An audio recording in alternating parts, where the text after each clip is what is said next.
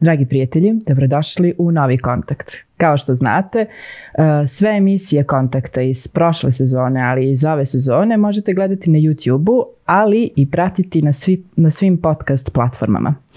Večerašnju emisiju imamo sa jako zanimljivim gostom i mislim da će biti dovoljno da ga predstavim ako kažem da je to čovjek koji uh, tera svakog onog ko sedne preko puta njega da prije svega upozna sebe. Sa mnom je doktor Nermin Društinac. Duštinac, bez R. Duštinac. Dobrodošli. Dobro vas našao. Kako ste, doktor? Odlično što i vama želim. To je upravo ono što, što sam htela da kažem u uvodu. Svaki put e, kad sednemo sa vama, ja imam taj dojam da, da, da jednostavno terate čovjeka, mislim terate je malo gruba riječ, ali e, namećete to da, da svi trebamo zapravo da, da tra, tragamo u sebi to naše, to ono što jesmo. I, I to je ono što meni želite, to jest što meni želite, ja želim i vama, što, što vi radite, ja mislim sve, sve tako redom. Razumem šta kažete, ali ja bi to malo popravio. Te reči terate, morate, to treba izbaciti iz upotrebe. E Niko nikog ne može ništa da natera, niti nikog neko može da se nešto mora učiniti. Znači, mi treba da se bavimo sobom i, kako da kažem, spoznavanjem sebe. Jer stvari u nama nije u ovim. I kad ja to kažem, ja to ne mogu da prihvatim da nekoga teram. Ja bi se lošo osjećao kad bi neko terao. Znate. Tako da ovaj, to bi korigo, mada razumem šta ste mi pitali, da treba u stvari, ja sam za to kao što ja bavim sobom, da se drugi ljudi bave sobom. Eto tako. Ali to je fenomenalno, mislim koliko, koliko smo svesni govora koje upražnjavamo jeli, u svakom trenutku. E, nekad kažemo neke stvari koje, evo, na primjer to, terate, moramo, e, i da i te sad ne mogu da, da, da se da. setim svih tih nekih riječi koje upotrebimo, a zapravo imaju zamenu, ali je ne, je. ne koristimo. Pa uvijek je teško da se izrazimo. Krleža je rekao da da bi dobro pisao ili dobro govorio, moraš da se dobro osjećaš u svojoj glavi, da imaš čistost glavi, da je mogu to da kažeš što hoćeš. I čim neko nešto mnogo priča, nešto mnogo, znači nije, nije ono svestio i ne može da kaže ono što misli. Tako da je važno da budemo koncentrisani, da znamo šta hoćemo reći i onda te upotrebe stranih reči, ne znam, provincializmu i toga, treba da budemo jasni, da možemo razgovarati uslovno rečeno da se podignemo s nekim razgovaramo koji je iznad nas na neki način, ne znam, znanjem ili čim, ali će da se spustimo na nivo I to deca nepogrešivo rade. Vi decom nemate nikakav problem. Šta će deca da kažu? Vi tačno znate. Jer deca govore iz svojih osjećanja ne iz svog mozga koji mislimo da je jako pametan. To ću malo kasnije pričati da taj mozak i nije baš tako pametan kao što mi mislimo.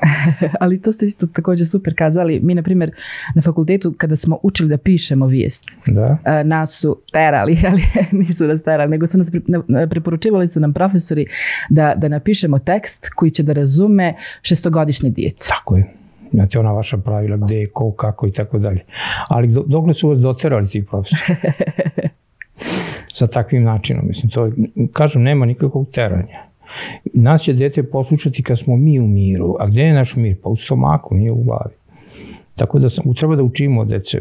Picasso je rekao, kad, sa 67 godina sam znao da slikam kao Rafaelo, a onda sam se ceo život trudio da slikam kao dete. Prelepo. E sad, kad ste vi znali da ćete biti doktor? A, to nisam znao dok nisam upisao fakultet. Mene je svašta u životu interesovalo od sporta, književnosti, možda to možda i najviše volim, umetnosti, pa naravno lečenje ljudi, tako da, da nisam ja to znao da ću ja da budem lekar, ko što kažu tako. I negde sam u nekom užem izboru za moje studije su bile ekonomija, filmska režija i medicina.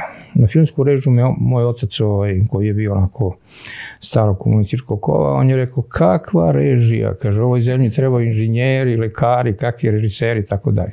Naravno da nije on odlučio, odlučio sam ja i apsolutno se nisam pokajao što sam bio lekar, a još sam se manje poka, pokajao što sam bio anestezijolog. Mislim, sam izabrao tu specializaciju u kojoj, tako reći, nisam ni znao kad sam upisao fakultet.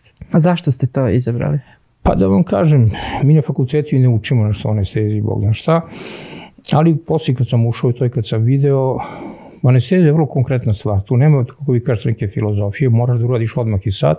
Traži veliko znanje, ali isto tako traži da si čovek iz senke. Mislim, znači ne traži da sad ti budeš glavni. Niko živi ne zna komu je dao anesteziju, a svi znaju koga je operisao. A u, neka često budemo mi značajni. Ja neću da pocenim značaj hirurga koji su isto nezamenljivi, ali vi svi znate, on radi određene stvari, operiše, seče, svi.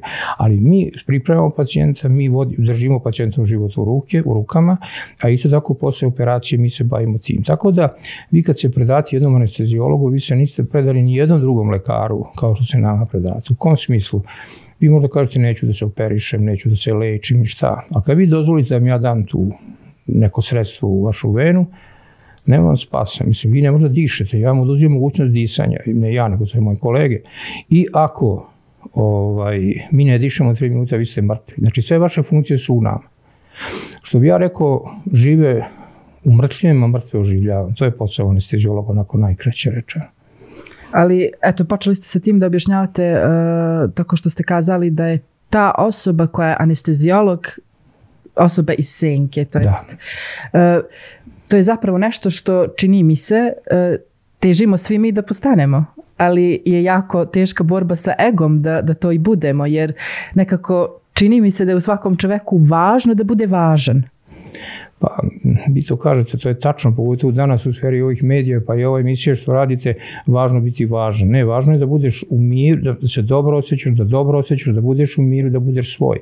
Mi ne možemo da budemo kao što vi kažete, nešto ako vi niste sad pustili preko interneta, to se nije ni desilo. Vi odete neko druženje, onda svi se nešto slikamo i šaljamo tamo neki direktni prenos. To nema pojma, mislim, mi treba da odemo tamo i da uživamo. Gledajte u našu omladinu šta rade. Sede svi pored njih 5, 6, nije važno, i svi drže telefone i čekaju ko će da zove. Ne razgovaraju. Odite neku svadbu nije bitno neko veselje. Svi imate escejk, telefon, escejk, telefon, jel? I svi nešto čekate, mislim. Pa treba da budete u redu telefon, zaista treba da se dogovorimo, da se vidimo. Drugo, da internet ima fantastične mogućnosti i sad razgovarate sa nekim na drugoj planeti. Šta vam god padne, recimo meni koristi kad, na primjer, čitam nešto pa neki pisac koga ja poštujem pomeje nekoga, ja tamo vidim taj koga ja recimo ne znam, neku sliku da vidim će to je jako dobro. Ne moram da pamtim neke gluposti, ali to je se svelo da ljudi što je više tehnologije, oni su oni manje, manje komuniciraju nego radi. I manje su ljudi i manje stimulišu imate zavisnost, to je sad, ova mala deca, oni su, vi date detetu od dve godine tri telefon, zbog čega to? Mame će da kažu da mogu da ga kontrolišu, kao da znaju gde se nalazi. Mi smo živjeli bez stacionarnih telefona, ne bez tih i živjeli smo. Ako sam ja studirao u Šapcu, a moja mama živjela, ja studirao u Beogradu, mama živjela u Šapcu, ja sam morao da se, odem u poštu, da se najavim, da ona tamo, pa ona dođe u poštu toliko sati, pa dođem ja. Naravno da nećemo se vraćati u ta vremena, ali ne treba u svakoj kući da svako lice ima telefon. Od deteta od dve godine do dede od 80 godina. Čemu to? Bukvalno se ulazi u to Tako da... da vi kažete, težimo da ne... Ne, mi danas, većina ljudi naravno, baš teži da bude poznat, da bude popularan, da vi sad imate te neke, ja ne znam, po zanimanju javna ličnost, tako to čitam, ne znam, ove gledate ove realitije ne znam šta već gledate. Ne kažem vi, nego mislim ko gleda. Vi da skupite 20 ljudi najpametnijih, najinteligentnijih, najčestitijih, bilo kojih, i da ih stavite da oni budu tamo u nekom programu, ko bi to gledao, niko živi a gledamo tamo neke trivialne ličnosti koje postaju uzori našoj deci ili pa i našim ljudima i tako. Tako da ja sam protiv toga. Ali eto, onaj, upravo to je zapravo, e, to, umjesto da nama koristi sva ta tehnologija, ona koristi nas. Bravo, bravo, tako je. Svaka stvar ima svoje lice i naliči. Ništa nije ni crno ni belo, samo zavisi kako koristimo. To je kao svaku stvar. Taj internet, taj telefon, to je fantastična stvar ako pravilno koristi. Isto ako atomska bomba, jel? To je toliko energije da može da svetljava ceo svet, da živimo od toga i tako dalje, a možda uništi ceo svet. Samo zavisi kako koristimo. Pomenuli ste da, da ste studirali u Beogradu, da, mhm. da vam je ali majka živela u Šapcu, uh, skroz šaranoliko. Uh, kazali ste prije emisije da ste rođeni pazarac, ali da niste učili u Novom pazaru, to jest niste se školovali. Uh, možete da, da nam kažete nešto iz tog perioda? Pa, život piše romane, pogotovo kad si mali, nemaš ti tu ništa. Ovaj. Ja sam rođen u Novom pazaru i tu sam živao svoje prve četiri godine života, onda smo se ucelili za Rašku, to je blizu naš komšijski grad. Ja? Tu sam živao svoje četvrte, svoje 14. godine, znači završio sedam razreda osnovne škole i onda sam počeo osmi razred. Tu sam završio osmi razred, završio Šabačku gimnaziju, posle studirao u Beogradu medicinu i kad sam diplomirao, onda sam se vratio u Novi pazar i u Novom pazaru provodim već koliko je to, ne znam, 40 godina i više. S tim da sam imao jednu ekskurziju, uradio sam u Nemačkoj godinu i po dana kao anestezijolog, a ostalo vreme sam proveo ovde. A specializaciju sam završio na Vojnoj medicinskoj akademiji u Beogradu. A zašto ste se vratili iz Nemačke? Pa to je, svi pitaju zašto sam prvo otišao, a onda zašto sam se vratio. Pa vrlo jednostavno, to možda drugima nije shvatljivo, ali ja sam otišao u Nemačku i kad je od, u Nemačku kad je ovde počelo obrastu jedinstvo, mislim ovo naše samuništavanje, mi smo svi jedni isti, ali i ne znam, Hrvati, Srbi, Bošnjaci, Kosove i to. Ja sam to vidio da će to da bude tako i da će da bude rata i imao sam troje dece iz drugog duše braka. I onda sam vidio da ja, neću, ja ne želim da učestvujem u tim bilo kakvim bilačkim i već kojim. I onda sam rekao da ja neću da učestvujem u tome i nije počeo rat, mislim, ja sam otišao pre toga. I uzeo sam decu i troje, e, ženu i troje dece i otišao sam u Nemačku nisam znao čak ni ja nemačkog i to je bilo jako teško da ne kažem nemoguće, ali ja sam malo uporan čovjek kad nešto hoću da uradim I ja sam se posle šest meseci zaposlio kao anestezijolog i radio sam tamo godinu dana. A posle toga sam rešio da se vratim opet u Srbiju. Pa je bilo ludilo što sam otišao, a još veće ludilo da se ti vratiš kad tamo radiš kao anestezijolog. Naravno da taj život na zapadu je kao gledalo s polja jako lep, interesantan, ali sve zavisi od prioriteta šta ko hoće. Ja sam tamo sticam okolnosti, nisam bio zajedno sa porodicom, ja sam radio u Drezdenu, a moja supruga i moja deca su živjeli u Berlinu. Ja bi se s njima samo preko vikenda ovaj viđao, ne bi ovako, imao sam ja tamo smeštaj, sve to što treba, pa nisam ja otišao tamo od gladi, da nemam leba da jedem. I onda video sam da to za mene nije na rešenje i onda sam odlučio da se vratim. Naravno da sam tamo jako puno profitirao, ne u ličnom smislu, ali u profesionalnom. To što sam ja tamo naučio iz anestezije, to se kod nas nije radilo, tek možda posle 10 godina. Naučio sam jezik koji naravno znači, moja deca su bila mala pa su progovorila nemački, tako da ima tu dosta dobrih stvari, ali odluke su moje lične koje ljudima mogu da budu razumljive ili ne, ali u svakom slučaju ja se nisam pokao, ništa sam otišao, a još manje što sam se vratio. Znači da je za razlog povratka zapravo porodica? Pa, možemo tako reći, mislim.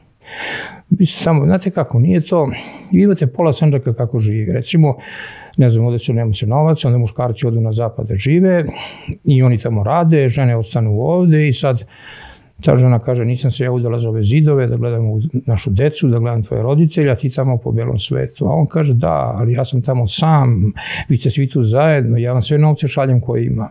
To se propadne, naprave oni avione, kamione, bilo šta, ali tu nema života. Ja kažem mojim prijateljima, pacijentima, kome ne, ili svi tamo ili svi vamo. Ta razdvojnost može da bude ok pola godine, u vrglave godine, ako da se srede neki papiri, da nešto, ne možete vi kako hoćete, ali u svakom slučaju razdvojenost porodična ne vodi ničem dobro.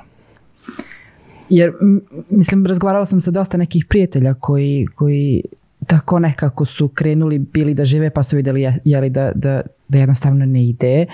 I isti im je bio razlog povratka ili odlaska da, da budu skupa, da budu zajedno. E, i oni su dodali to da, e, da bukvalno decu ne može da vaspitava jedan roditelj. Da za dijete ne može da bude samo jedan u smislu kad je već porodica skupa, mislim kad postoji otac i majka, kad su tu već, da, da jednostavno to nešto fali da cije, pa da svaki taj odlazak bude težak ili itd. itd. I onda to je nekako bilo razlog tim mojim prijateljima ili da odu ili da... da, da...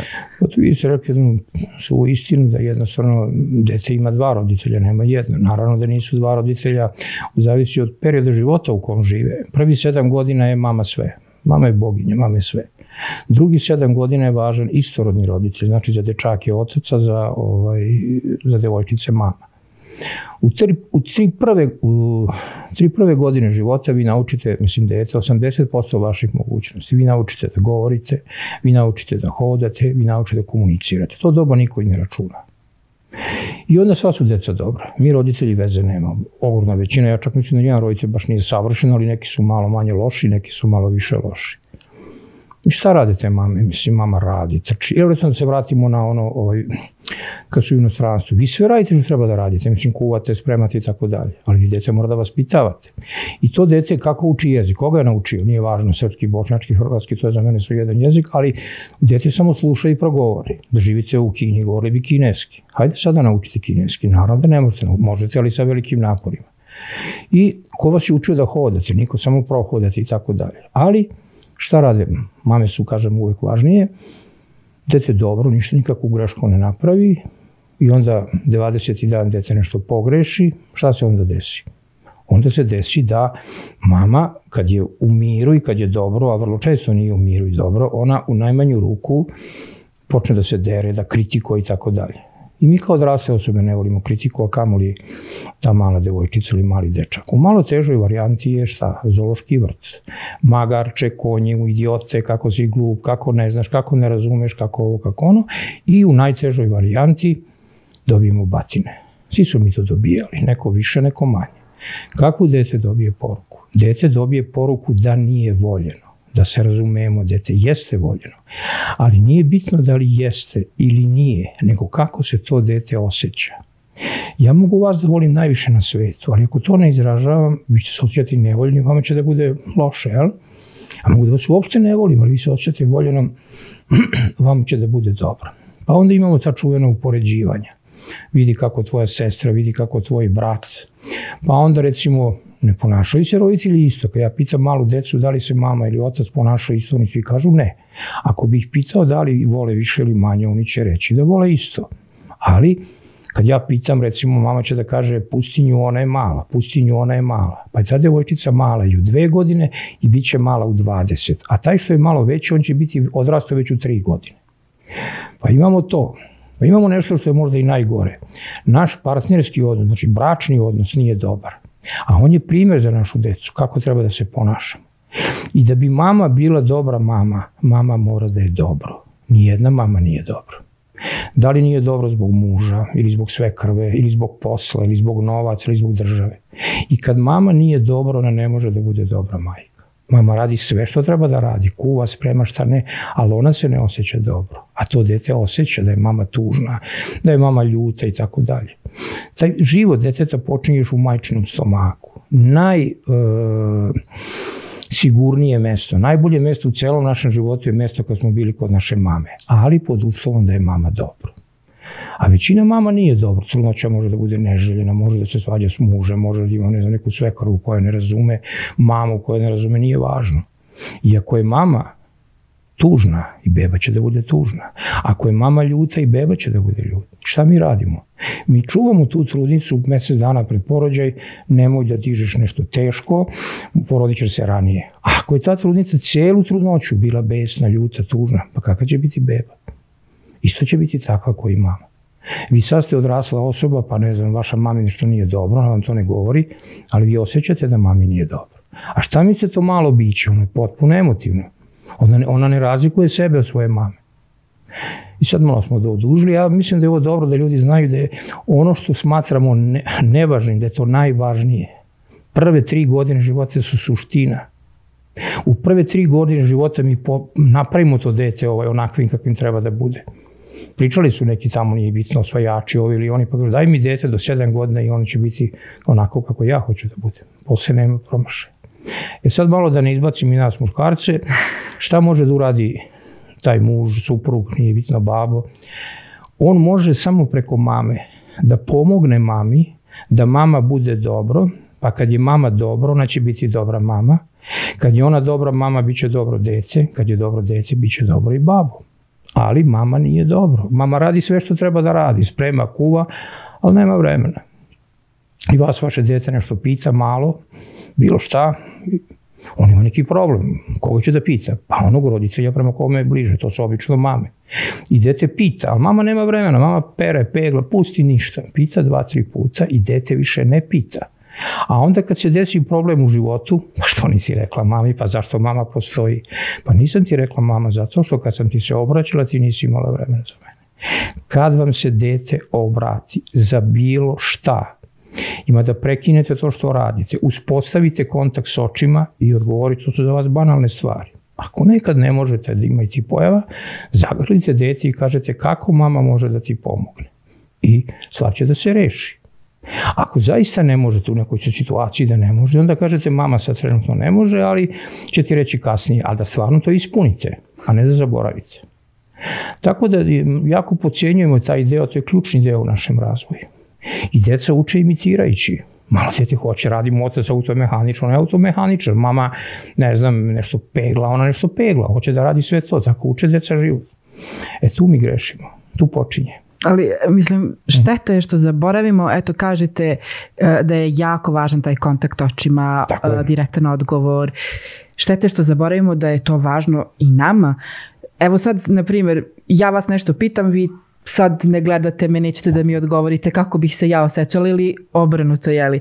Tako je. Šteta je što zaboravimo u tom trenutku upravo to. Ono što se nije reklo nije se ni desilo, ali ne samo da vas ne gledam, nego gledam u telefon.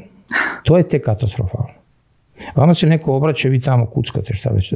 Znaš što bi sad to lično, mi ja sam došao razgovaram i sad ja tu nešto se kuckam, imam neke poruke, šta već ne. Komunikacija je jedna od najvažnijih stvari koje treba da imamo.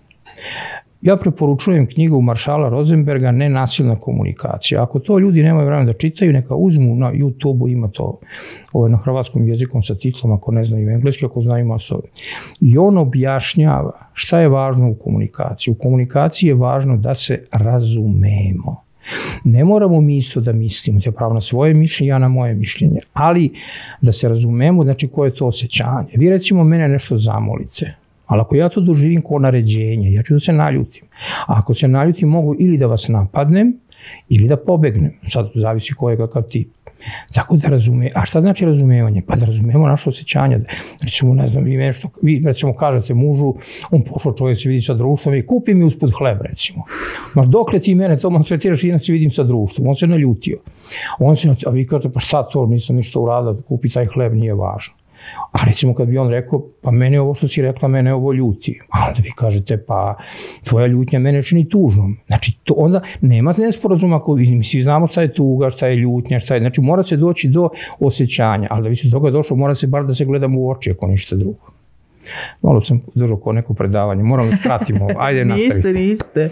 Mislim, meni je ovo super, e, jer o ovim stvarima se ne priča, o ovim stvarima, sam, ovih stvari nema u medijima. Pa zato sam i dao sebi slobodu da to kažem, mislim da, je nešto, da ljudi nešto korisno čuju. Mislim, ja to pričam mojim pacijentima i pričam u mojoj porodici, ali nije loše da to, pa neko će možda da čuje. I nije sad tu i da ja pričam ja šta sam bio, šta ako sam, nego da ovo je zaista važno, da je fundamentalne važnosti za vaspitanje dece. I kako je rekao Freud, E, dete je otac čoveka. U. I od deteta počinje to. Mi, tu smo mi postali. Vi sad imate malu bebu, ali vi sad najviše možda uradite za vašu malu bebu da je volite, da je hvalite, da je ljubite, da je šta da radite. I kako ona bude rasad, imate vremena. Za ljubav nije problem, volimo mi, ali ne pokazujemo. Sve što se ne kaže ne postoji. Ako vama suprug ne govori da vas voli, Vi ćete da kažete, pa ti čoveče me ne voliš. Kako te bržno ne volim? Pa čim živim sa tobom, podrazumeva se da te volim. Mene podrazumeva se. To je sad bilo malo, tako, imao sam potrebu da kažem, ali nek mi roditelji, ali mislim, suvišno. meni je bilo strašno, baš sam prije neki dan razgovarala, baš sa svojom svekrovom, koliko mm -hmm. je ranije bilo uh, zastupljeno to razmišljanje da je sramota da ti zagrališ svoje dijete, da je, da je sramota da ti poljubiš Posebno ako imaš žensko dijete, da je sramota da ti šetaš sa svojom porodicom, da je sramota da ti grliš svoju porodicu, zagrliš svoju ženu, da izađeš na kafu sa svojom ženom. I iskažeš svoje. Vidite šta ste sad rekli? Rekli ste bar jedno pet puta sramota ili reč stid. Sramota ili stid je najniže stanje u, komu je, u kome jedan čovek može da se nađe.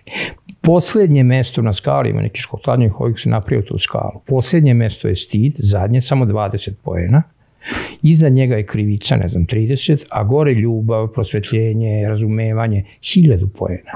Šta je u stvari stid? Tako smo vas pitani, dobro što ste to rekli da kažem. Uh, stid je negativan pritisak kolektivnog svesnog. Šta će da kaže pazar, šta će da kažu, ne znam, vaši roditelji, vaši prijatelji.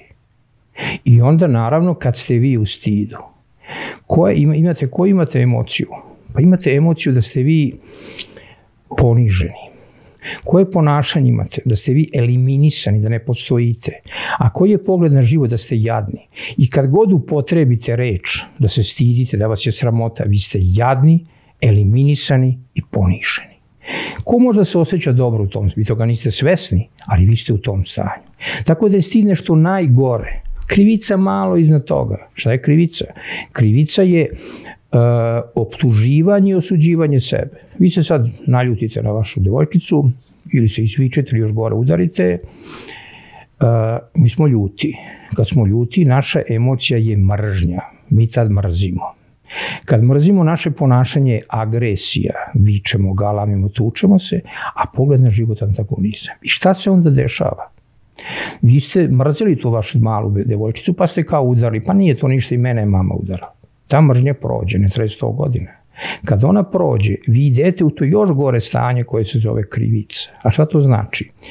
Vi napravite neko kriminalno delo, odete u zatvor, dve godine odležite, izađete, vi ste slobodna žena. Ali kad vi sebe optužite, kad vi sebe okrivite, nema vam spasa. Niti se zna kolika je ta kazna, ni kakva je ta kazna, ni koliko traje ta kazna. I onda je proces kritičnost, a bivanje, e, destrukcija, zlo. Tako da se stalno radimo o našim osjećanjima koja mi ne izražavamo. To je u prvih šest godina, sedam je važna mama, sve su mame glavne. Drugi sedam godina, rekao sam, otac je važan za dečake, a mama za devojčice. Tad treba otac da sa svojim dečakom igra lopte, ne znam, igra se ovako i onako, da bi mu uspostavio muški princip. Mi smo i žene i muškarci u jednom telu. Desna strana mozga je ženska intuicija, ljubav, emocija, a muška leva logika, snaga, moć. To se ukršta u vratu i posle dole ide drugačije. I sad vi ste mlada mama, ali recimo bili ste čerka, sad niste više mladi, jel? ali ste žensko. Imate možda brata. -hmm. E, dobro. Vaša mama, dok je vaš brat imao do 7 godina, mogla da ga mazi, da ga ljubi, da šta već radi, šta god on to voleo sa radošću primao. A kad je on napuni 8-9 godina, neka proba mama da ga poljubi pred dečacima u školi pred društvom, on će da se otima, neće hteti da mu da ruku. On će kući ponovo dozvoliti da ona ljubi, njega ljubi i mazi, ali tamo neće. On se stidi svoje mame, a rekli smo da je stid. On sad hoće da bude otac. I on zato ide za svojim ocem, a otac naravno nema vremena, otac radi. I kad meni jedan mali dečko kaže, ja volim da sam bolestan, dobio batin od mame zbog toga što voli da je bolestan, kao neku astmu ima, a ja ga pitam zašto, ta mama što ga je pitala njoj bi rekao, on kaže, Zato što se babo drugačije ponaša prema meni kad sam bolestan. I naravno, on više voli da je bolestan, on izmislio bolest, jer otac se igra s njim, kupi mu neki autić, nešto, a kad je zdrav otac ga i ne vidi, trči, juri, radi i tako dalje. Tako da svaka naša reč koju mi izgovorimo ostaje do kraja našeg života. I reč je jedna odgovorna stvar, kako u životu u vaspitanju, tako i u književnosti u životu i tako. Mi moramo jako da budemo svesni svake riječi. Upravo tako, upravo tako. Uh, vi ste prvi anestezijolog ovde zajedno pa, sa vašim kolegom. Moj kolega Safir Lepik i ja, nas dvojica smo prvi ovde došli i to je neka istorija, jer pre nas nije postao anestezijolog i ta hirurgija nije mogla da bude na tom nivou kao kad smo mi došli. Ja sa bez imalo skromnosti bilo čega mogu da kažem da je život uh, ili kvalitet hirurgije bio jedan pre nas i drugi posle nas. Jer ti hiruzi nisu obučeni da rade to što mi radimo, ne da su oni loši lekari, nego jednostavno to ne znaju. A u našim rukama je život. Tako da su i opseg operacija i težina operacija i postoperativni tok i uspeh ovaj operacije bio mnogo, mnogo bolji sa našim dolaskom. I ja sam, iskreno rečeno, to je meni neke najvrednije stvari u mom životu, kad nešto novo napravite, ja sam ponosan što smo nas dvojice u Novi Pazar doneli anesteziju, a ponosan sam što sam se bavim sada i homeopatijom i moja homeopatska ambulanta je prva u staroj Jugoslaviji. Tako da kad dve stvari doneseš, neki obična čaša, to je u mom sistemu kako vredi. Ne, kako ne. A, ali zbog čega, ste, zbog čega ste izabrali da se vratite u Novi Pazar? Vi ste sigurno mogli, eto pomenuli ste Nemačku, da ste tamo bili, sigurno ste mogli širom svijeta. Vidite, da... ja, to je neki, neki porodična situacija, ja sam mogu da radim bez ikakve bilo gde, sam da se na VMA da sam bio na specializaciji, mogu sam u to šaptu da sam udrživao svoju mladost. Profesor Marenović mi se vreme dao mi je posao gde hoće da imam split i šta znam, tako nešto, ali sam ja iz nekih porodičnih razloga, odnosa sa svojim roditeljima, odnosno sa ocem koji je bio ovde ceo život i mlad je preselio i onda sa, ne znam, mojim bratom koji je tu, tako da su to lične prirode. Mislim, a što se tiče neke, nekog karijernog dela, tu sam sigurno manje učinio nego što bi bio, ali s tim sam zadovoljan. Ja sam radio negde da neko ne mora da uđe, tako da je meni to okej. Okay. Pomenuli ste homeopatiju. Otkud homeopatija? E sad, to je tek prava priča. Ja zaista verujem u homeopatiju i celu moju porodicu, moju decu pa i sebe lečim homeopatski.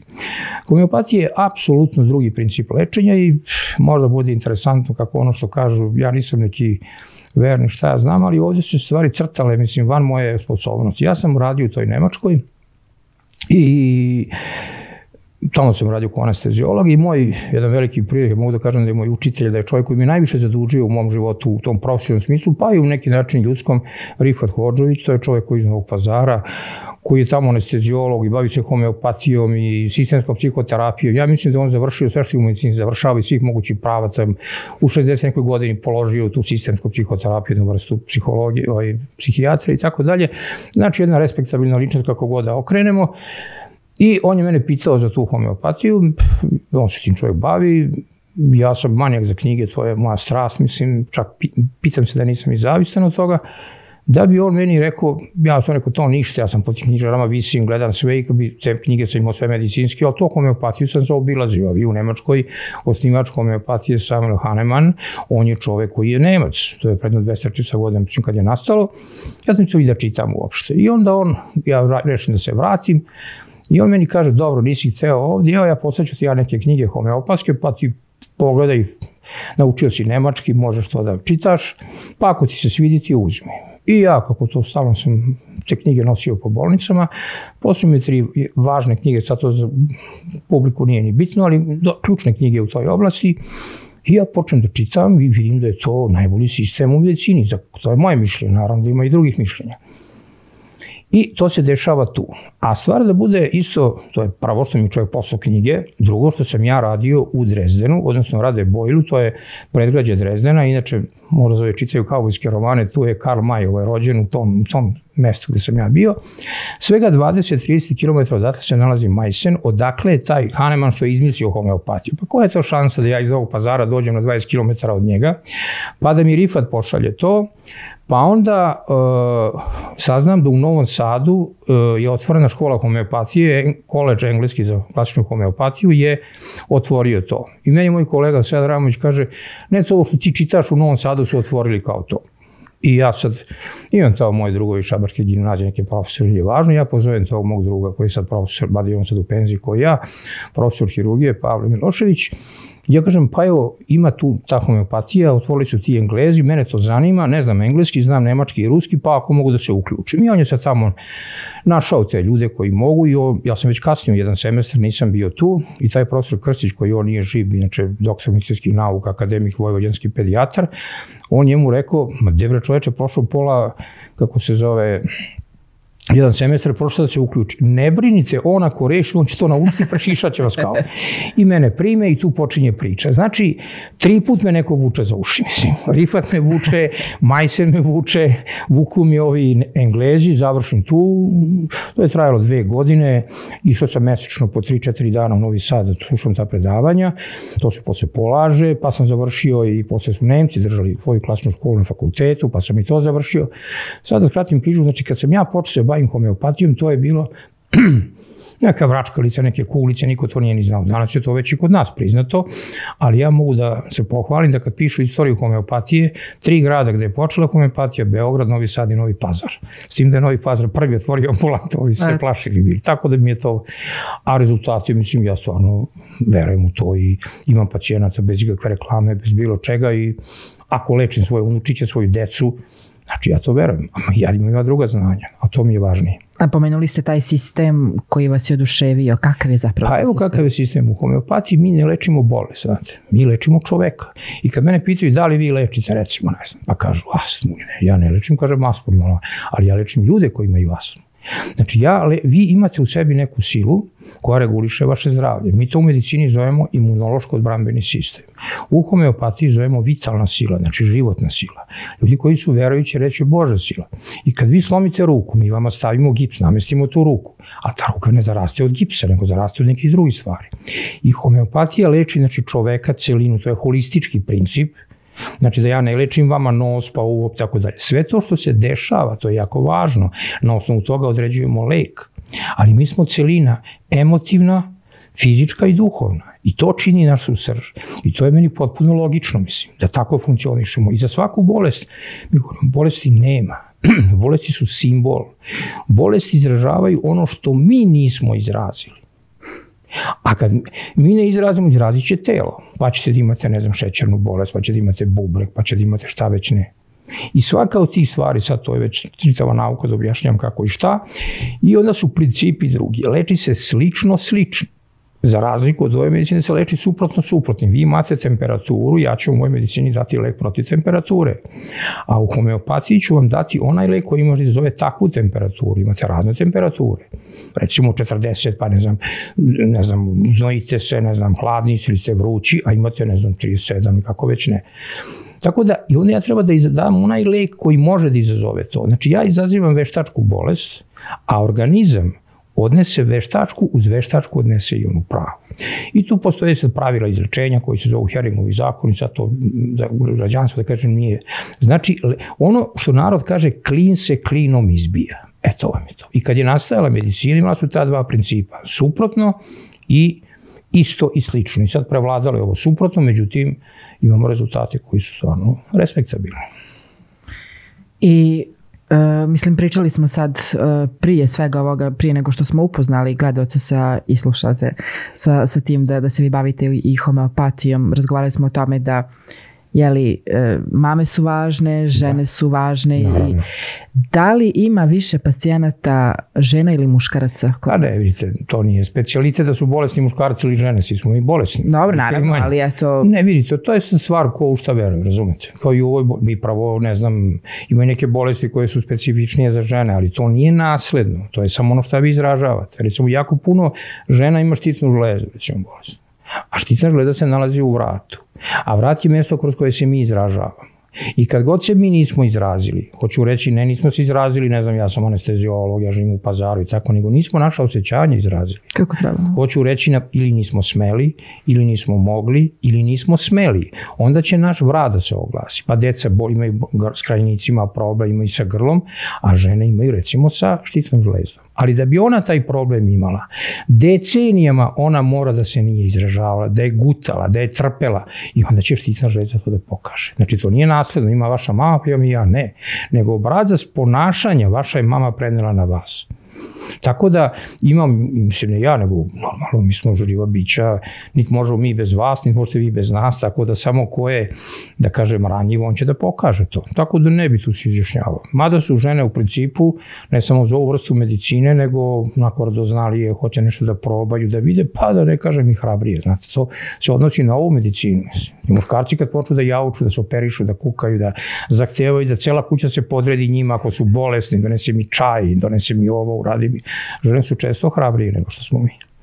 E, I super ste pomenuli tu stvar da, da, da svaka bolest zapravo uh, govori u, u kakvom Tako smo je. mi stanju sada ili Tako smo je. bili. Tako je. Ili, na primjer, ono što smo pričali prije par dana kad smo, kad smo došli kod vas da vas posetimo, ovaj, ako se, ako dijete pokaže neke, neke slabosti, da li, da li je krvna slika loša ili ne da. znam, sve te neke stvari, eh, da, da to prikazuje stanje roditelja Tako takođe. Je. Dete, eh, sve to što mi gledamo u laboratoriji, nešto to su posledice, nisu uzroci. Ali kad je dete malo, recimo kad je dete u vašem stomaku, kad je beba, sve do vas I ako treba da lečim, lečit ću pre mamu nego dete. Naravno, lečit ću i dete, ali ja mogu da popravim dete, ali vi ćete ga ponovo pokvariti.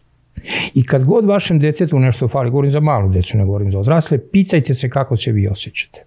I vidjet ćete, ako se pravilno pitate, da ćete doći do odgovora i vi sebe dovedete u red i dete će da bude dobro prije uh, svih onih kuglica ali, da. koje, koje dođu, ovaj, koje se svi, za svi se pitaju šta je u tim kuglica. Da, vam kažem, kuglice nisu ništa drugo nego šećer, saharoza, laktoza, to je, su kuglice.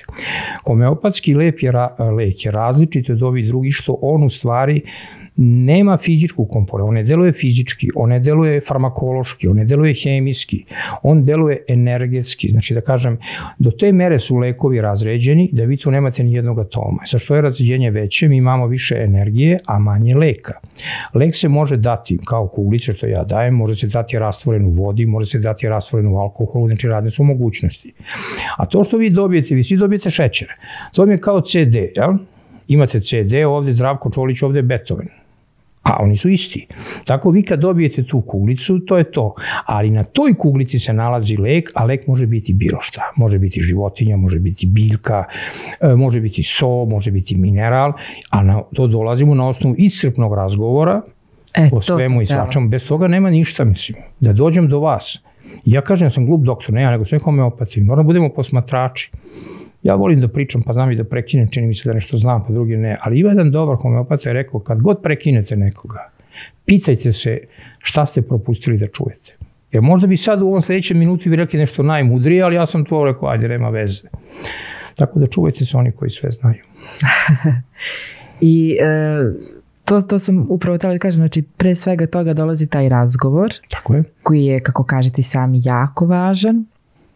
E, koliko, mislim, eto sad naravno, ne, ne želim sad da se, da, da bilo šta otkrivam, ali, ali koliko je, koliko se ljudi boje da uđu u sebe? Koliko se ljudi boje da otkriju sebe? Vidite, to je jako, jako dobro pitanje, ali svi se ljudi, mi se svi bojimo. A to je najteža stvar, kogod sedem, pa pazite, pođite od vas, ko je ta osoba koja sve zna o vama? Naravno da zove da vi, vi ste, ne znam, završili to, radite to, ali u našim osjećajima mi čutimo. I nije problem što smo mi emotivni, kaže ja sam osjetljiv, nego je problem što mi ne iskazujemo naše osjećanja. I najveći posao jeste da spoznamo sebe. I kad spoznate sebe, vi nemate problem. Ali mi ne možemo, mi kad smo mali bili samo zabranjuje. Čuti tu, šta ti znaš, kaže mama, jel? Dete ništa ne pogreši 20 dana, niko ništa ne govori. Kad dete pogreši 25 dana nije bitno. Čuti tu, šta ti znaš, dobiješ i batine i tako. I dete dobije poruku da nije volje i prestaje da govori. Tako da je, nije, vi ste rekli razgovor, naravno iz razgovora nema ništa, ali nije razgovor samo verbalna razmena energije ili razmena misli, nego i da kažem telesna, govor tela, vi ćete da plačete, vi ćete da se smejete, vi ćete, znači sve su to informacije koje dobijamo. Znači moramo i da pomirišemo i da čujemo i da pogledamo i da vidimo. Znači jednostavno cela priča je da upoznam tu osobu ili još bolje rečeno, da pomognem toj osobi da ona spozna sebe i da postane ona i onda neće biti problem. Ceo posao je da vi postanete vi, a ne neko drugi. A mi smo, samo igramo uloge, nečija deca, nečiji supruzi, nečiji roditelji i tako dalje tako dalje. Tako da homeopatija, znači sada to zaokružimo, jedan e, sistem medicinske nauke koja leči na drugi način, uzima čoveka kao celinu, leči na slično sličnim, daju se razređeni lekovi koji su potpuno, da kažem, bez nekih kontraefekata, ali koji dovode da mi dođemo do sebe. Eto tako. Tako da, a stvari izbora u ko šta veruje i kako je.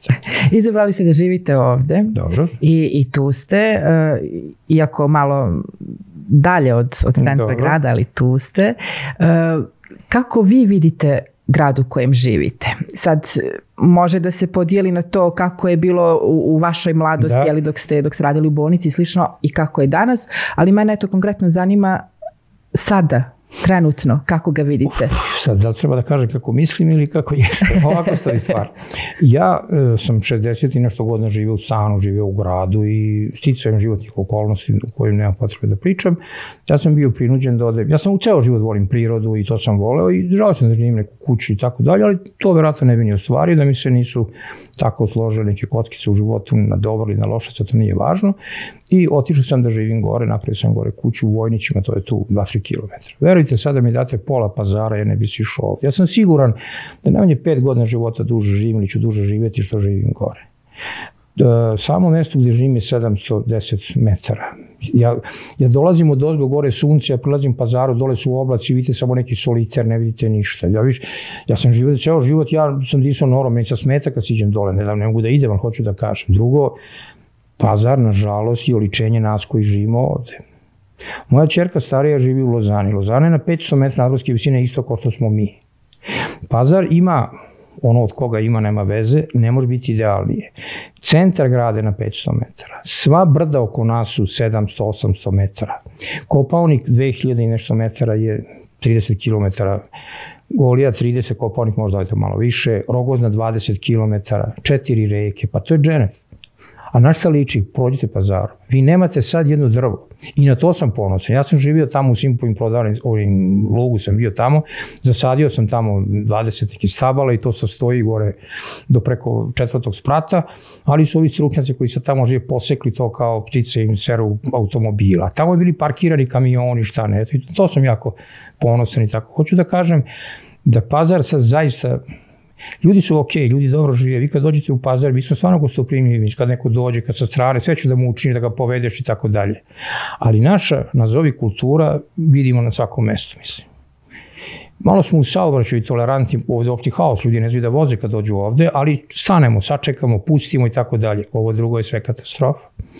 Ja ne znam gde, vi zidate evo sad ove solitere, i prvo i to je ružno, svi su potpuno isti, pa ima neki arhitekta malo nešto drugačije da uradi.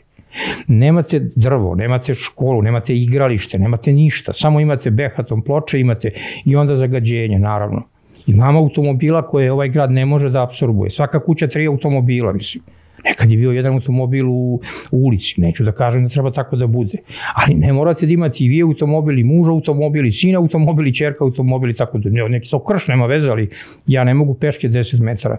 Tako da mislim da je jedan urbicid, da je živeti ovde baš loše u tom nekom, da kažem, načinu šta smo mi napravili od našeg grada i, i zida ko gde šta hoće, ajde bilo je kako je bilo, aj sad napravite, ne može dalje, mora da se neki red uhvati. Pođite do Raške, Raška je selo za pazar. Vi imate, gledate, brda, red ulica, red kuća, red ulica, red, kakav ovde postoji red. Nemate osobe koja može da to popravi, to stanje koje je u pazaru.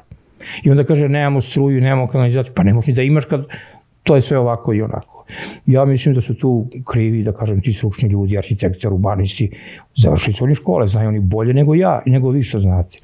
Ali ja pita, pitam u građanstvu ko je od njih zadovoljan sa izgledom svoga grada. Niko. Tako da nisam. Dobro sad, naravno, ja volim svoju mamu i volite svoju mamu, ja volim moje rodno mesto i tako dalje. To sad govorimo o emocijama. Ali uopšte mi se ne sviđa kako moj grad izgleda sada. I što je najgore, Da li je to stvar mojih godina ili sam ja neki pesimista, ne vidim ja ću da bude bolje, iskreno. Da li smatrate da, da je stanje u društvu u gradu, u zajednici, uh, da utiče na, zdravstve, na zdravstveno stanje svakog od nas koji Naravno da utiče. živi? Najve, najveći problem jeste naše stanje kako se mi osjećamo. Ja smatram da je čovekov organizam kao mašina napravljen da živi jedno 120 godina. Svaki toliko treba da živi, kao da vidite garanciju auto. Ali zavisite kako vi održavate taj auto, po kakvim putevima ga vozite i šta ja znam. Mi e, imamo razne stvari, znači od hrane, iskrane, sporta, života, ali mislim da je taj stres, to je ono što nas najviše uništava. Niko ne doživi ni stova, kamo da doživi ovoliko.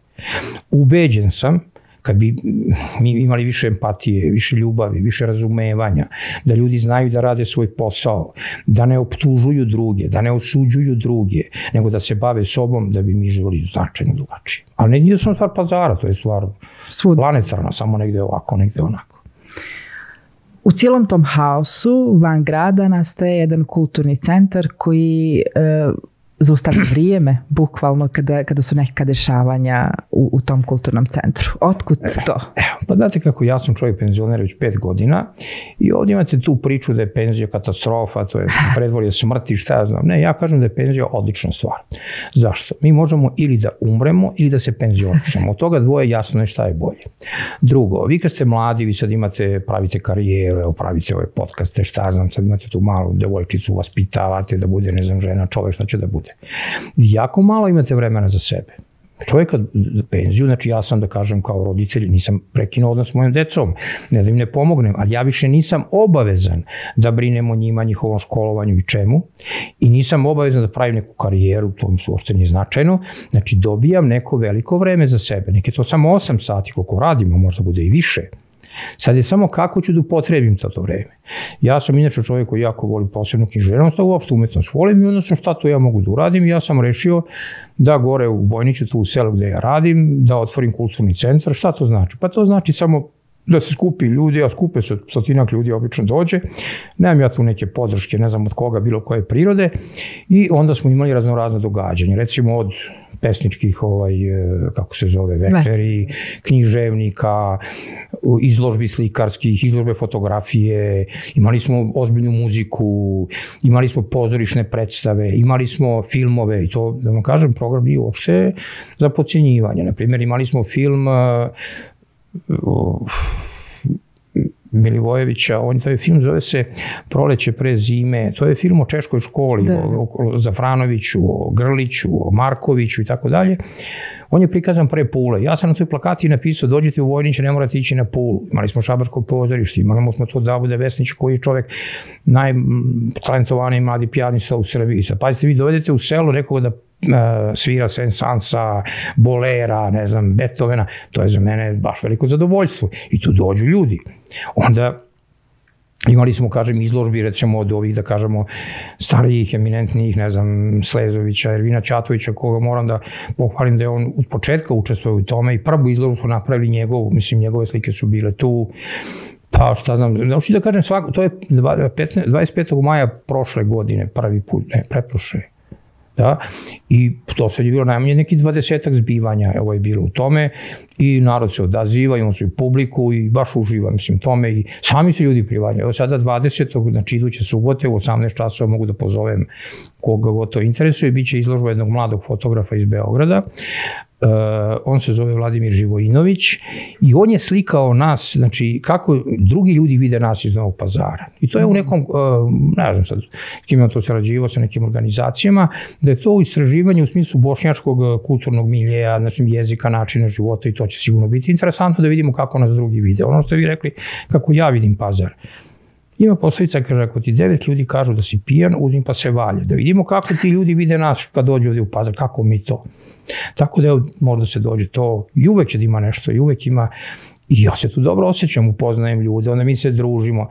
O, kako kod nas imate izložbu? Prvo da bi neko došao gore mora namenski da dođe. Ili mora da upali auto, ili mora da plati taksi.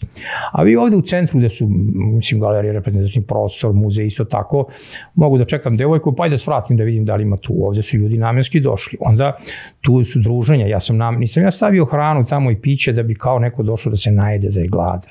Ali kad vi dođete tamo, vi morate da pojedete, da porazgovarate i onda imate, uspostavljate kontakte, upoznate neke ljude, možda neki dečko nađe neku devojku, mislim, možda vi, evo za vaš program bude neki interesantan lik tamo. Mi smo, na primjer, imali Dejana Lučića, to je najveći poznavalac e, starogrčkog jezika u ovoj zemlji. On je prezentovao prvo prikaz, to je njegove čuvene knjige Dijan, e, Diogena Laertija, životi grčkih filozofa. On je to preveo prvi put na srpsko-hrvatski jezik i to je bilo u vrtu prikazano. Sad je završio knjigu o Demostenu i on sam hoće dođe da, da ta knjiga o Demostenu bude prvi put kod nas. I ja se to iskreno kažem, jako dobro osjećam. Ja to naravno radim, ovaj, da je drugi vide, ali da ja nemam užitak u tome, ja to ne bih ni radio. I ne treba meni nikakav, ja to sve sam finansiram zato što mislim da to vredi, u stanju sam to da uradim i jedva čekam kad se dešavaju ta neka zbira. Nekad ona budu u dvorištu, nekad budu unutra, u zavisnosti od vremenskih, vremenskih uslova. I u krajnjoj liniji mislim da je to jedan doprinos gradu u kojem ja živim. To nema niko da kaže da je loše. Ne mora da dođe komu se ne sviđa, ali ti nudiš nešto što niko drugi ne nudi, a nema od toga nikakve niti plaća, neke ulaznice, niti ništa možda dođe da vidi, da ode i tako dalje. I, I vidi te, pritom mhm. super neko mesto koje... A na, a, jeste tako, to jeste tačno. A i tu imam primjedba, recimo za Tovorniće, kad sam se ja tamo napravio kuću pre šest godina, naravno kad imam pravo ja da napravim pravo i drugi, nisam ja to ljudi ne dolaze, međutim gledam prvo jako puno kuće, jako a niko ne živi tu. Za mene je sasvim u redu, da imaš baraku i živiš, to je u redu. A ako imaš zamak, a ne živiš, šta će ti to? Ja mislim sve jedini, možda još neko da živi tu, da napravi da živi tu. Onda ove silne ogro, betoni, mislim, Ja kad sam došao u Vojniće, ja sam dobio fenomen neba. Ja nisam imao nebo, kad živim u gradu, ja vidim zgrade. Ja tamo gde god pogledam, vidim Goliju, vidim Pešter, vidim i uživam. Svako veče, znate kako ću zalasti sunce, ne mogu da mu opišem. Samo da slikamo svako veče da bude izložba nad izložbama koji je to vatromet boja. I, mislim, narod imaju pravo da prave kako hoće, ja to ne kritikujem, samo kažem, otišao si u prirodu da budeš sa prirodom. Ja tamo viđam svakodnevno fazane, viđam zečeve, jedno veče mi je licica protrčala kroz park, kroz ovaj dvorište Ali ja sam samo onako stavio neke tarabice, nešto kako da se kaže, a ne da pravim zidove, čemu, od koga se ograđuje, mislim i tako. Tako da je taj vrt ovaj za mene jako važna stvar i to ću da radim dokle god bude mogu, a trudit ću se da bude duše. U daj Bože da svi penzioneri krenu razmišljati kao i vi. Pa, vidi, pa naravno da treba. ne sme stati život. Tako, pa život ne može da stane. A stari filozofi kažu da je ceo život priprema za smrt, prema tome kako si živeo. U životu ne trebamo, loše smo živjeli ako stalno se nešto patimo, zašto nešto nismo uradili, zašto smo uradili. Znači da ne osuđujemo sebe kako je bilo. Bilo je kako je bilo, to je završeno, daj kako je sada. I svako od nas treba da, ovo što ste malo pre rekli, da dođe do sebe. I onda će da bude sve u redu. Šta bi vas još interesovalo? Mislim da smo dosta ispričali. ne, ne. Koliko je prošlo vreme? Mislim, vi ste izuzetno zanimljiv gost. E, Prije nego što smo krenuli da pričamo, krenuli ste o, o tome da govorite kako nije važno šta ćete vi da kažete, koga Tako je, zanima, pa šta ćete vi da vapa, kažete... kad kažete. ste me stavili ovde. ba. Kako nije važno šta ćete vi da kažete? Kod vas e, svakodnevno dolazi na desetine ljudi. Ja sam, ja sam bila svedokom da dok smo, dok smo eto bili tu da dođemo kod vas ili da se družimo ili na razgovor, jeli, da, da prođe više osoba tu i da se vraća zadovoljno ili da dođe da kaže kako, kako se oni super osjećaju nakon, nakon razgovora sa vama i nakon te terapije i kako onda može da bude nevažno šta ćete vi da kažete, molim vas. Pa dobro, to je stvar doživlja u redu, hajde, nećemo sada da budemo nešto se počupom pepelom, ali svakako to mi daje na, želju da ja to radim. Pazite, ja kad bi bio neuspešan, ja to ne bi radio, batalio bi ja. Naravno da su razne priče ovako i onako, ali ja uživam kad mi dođe neko pa kao navodno neizlečivo, pa ti si ga izlečio, pa pomogu. Ja stvarno sad ispada neki mark... Ja, pacijenata iz cele, ovaj, ne da kažem Jugoslavije, ali ima i šire dolaze ljudi i, i jako se dobro osjećaju. Naravno, nisam ja da sam sve izlečio, ali Ali većinu. ima sigurno i toga da, da, da je to što se vi dobro osjećate. Tako je. Vi dobro živite, vi Tako volite je, to što živite, vi volite vas. Mislim, I, I to svima želim. Ne može vas niko da voli ako vi sebe ne volite. Ne može vas niko da poštuje ako vi sebe ne poštuje. E to je problem. Mi stvarno igramo neke uloge. Kad smo bili mali, morali se da budete mala devojčica. Evo recimo, vi bi da se igrate kao mala devojčica, onda mama kaže završi domaće pa da se igraš. I, i naravno kad vi završite domaće, odošle sva deca s kim da se igra. Onda kaže da završi školu, ajde vi učite školu, možda bi se zaljubili, možda bi se udali. Ne, kakva ljubav sad, završi školu, ima vremena za to. Ajde, završite školu, ajde da se udaješ, šta čekaš, pa mislim, šta se to se čeka, kod da je taj na Ofingeru, kad ste vi htjeli da se udajete, nije moglo sad. Ajde, udate se, ajde sad decu, šta je? Znači, imate program koji su drugi, pa imate pravo na svoj život, mislim. I ne treba da bude ili ja ili drugi, nego i ja i drugi. I sve je dozvoljeno, zaista sve, osim da ugrožavamo druge, to nije dozvoljeno. I dan u kom ništa ne naučite, propao je dan. Znači, na dnevnom nivou treba da priuštite sebi neko zadovoljstvo. To je važno, nije bitno da ćete da pecate, da da čitate knjige, da ćete da šetate, nije bitno. Ali da se dobro osjećate, e to je važno. I da vidite nebo. A nebo to je, to je, vjerujte, to mi je, ništa kuća ne vredi bez onog neba. Ali pazite, eto, na primjer, to što ste sad kazali je izuzetno važno. Znači, uh, bukvalno isto kao da ste upozorili sve mlade ljude, nemojte da čekate, ne znam, 50, 60, 70 Tako da je. bi videli nebo, možete odmah sad. Tako je, tako je. I šta je to vojniće? To uopšte nije daleko. To je tu, blizu grada. Sve moguće stvari mogu da se odrade u toku dana, Jeste. ali za ono što nas veže sa prirodom, to jest za ono što budi tu prirodu u nama je važno da odradimo te neke A i stvari. mi smo deo prirode. Mislim. Da. Bez, bez, nema prirode bez nas, a nema ni nas bez prirode. Mislim, to je sasvim u redu. Da. Recite mi, eto, onaj, e, u svim tim stvarima i svim tim e, dešavanjima u vašem životu, znači anestezijolog, homeopata, pa eto i sve te uloge koje ste prošli ovaj, i, i mesta koja ste prošli, da li ste možda, eto, e, ili u detinstvu ili kasnije imali nekog uzora ili imate više uzora koji, koji su uticali na vas? Pa ne znam kako da kažem, vidite, svaki čovjek sa kojim sam stupio u kontakt je ostavio neki trag na mene. Naravno, neko više, neko manje. Malo pre sam pomenuo Rifata Hođovića koji je mene u tom profesionalnom smislu potpuno preokrenuo. Da nije bilo njega, ne bi ja ni čuo za tu homeopatiju. Naravno da su naši uzori naši roditelji i po dobrom i po lošem. Onda neka naša prijateljstva, neki naši drugari, drugarice, nije važno, partneri i tako dalje. Mi, to je, kako da kažem, dvosmerna ulica. Mi dajemo i primamo. E sad, koliko smo u stanju da primimo ili nismo. Ako mislite to kao nešto uzori da budem takav, to nisam imao. Mada, kad sam bio taj, da kažem, mladić, ja sam tada bavio košarkom profesionalno, mislim profesionalno, igrao sam za grad, nisam, tad se nije plaćalo kao sada. Moji su uzori bili Zuko Džumhur i Che Guevara. che Guevara je bio kao ono revolucionar, bio lekar koji je otišao tamo u drugu zemlju i u Kubi napravio to što je postoji ministri, posle ode u Boliviju i tamo da rešava druge stvari. Zuko Džumhur je bio jedan jedan vrsni crtač, jedan veliki karikaturista, pa je pisao je to dobro. Onda voleo taj bojanski život, to sam ja voleo, mislim da izađemo da se družimo i tako. Anegdota za njega ima dosta, a kažemo tako on bi bio, ne znamo, ti košarkaša, to sam igrao, najviše sam cenio Ducija Simonovića i ovoga Krešimira Ćosića. Znači, to, ali to nisu oni, ja sad hoću da budem kao oni, nego neki pravac da bude. I onda kad sam recimo došao u pazar, nisam tu poznavao, jer ja sam živao u drugim krajima, onda sam ja imao razne društva, ne znam, društvo za sport, društvo za knjigu, društvo za kafanu, mislim, tako, tako sam se družio. Nisam, nisam e sad samo sa vama se družim, nego od vas uzmem ono što mi treba, od drugog od što mi treba, tako da sam bio svestan tu. Znači, svuda ste svuda bukvalno grabili da, yes, yes. Ono, ono što je... I... To je meni bilo interesantno, to ne mora drugima da bude, a meni to jeste. Najavili ste sad uh, ovaj događaj u Vojnićima koji će da bude. Uh, eto, možemo možda kazati onima koji gledaju, koji planiraju možda da, da naprave neki događaj, nevažno da li su iz pazara ili iz nekih drugih gradova, vidite, kako mogu da dođu? Ništa, samo dođu i da kažem, prijave se. Ja, ja naravno nisam ih hteo da budem, nudili su mi se neki, mi kažem, mi gradonačnik, da mi nešto pomogu. Ne treba mi. Ja sam, kako da kažem, samo sistem. Ja hoću svima da dam šansu, naročito volim tim mladim ljudima koji nisu u prilici. Znači, kogod želi i može, dobro, ne može baš, ne da kažem, neko, baš svako, ali generalno možemo kažem skoro to može svako. Znači, ako želi da napravi izložbu, ako želi da napravi koncert, ako želi slobodno, neka se javi i to će biti u redu. Eto. Nije Hvala teško vam. naći. Hvala vama. Hvala vam što smo ostvarili ovaj kontakt. Hvala vama i nadam se da će neko imati bar neko neke koristi od ovoga. A vama hvala na ljubaznosti. Hvala i vama, hvala puno. Dragi prijatelji, hvala i vama što ste pratili i ovu emisiju. Gledajte nas sledeće nedelje, a do tada budite u taktu.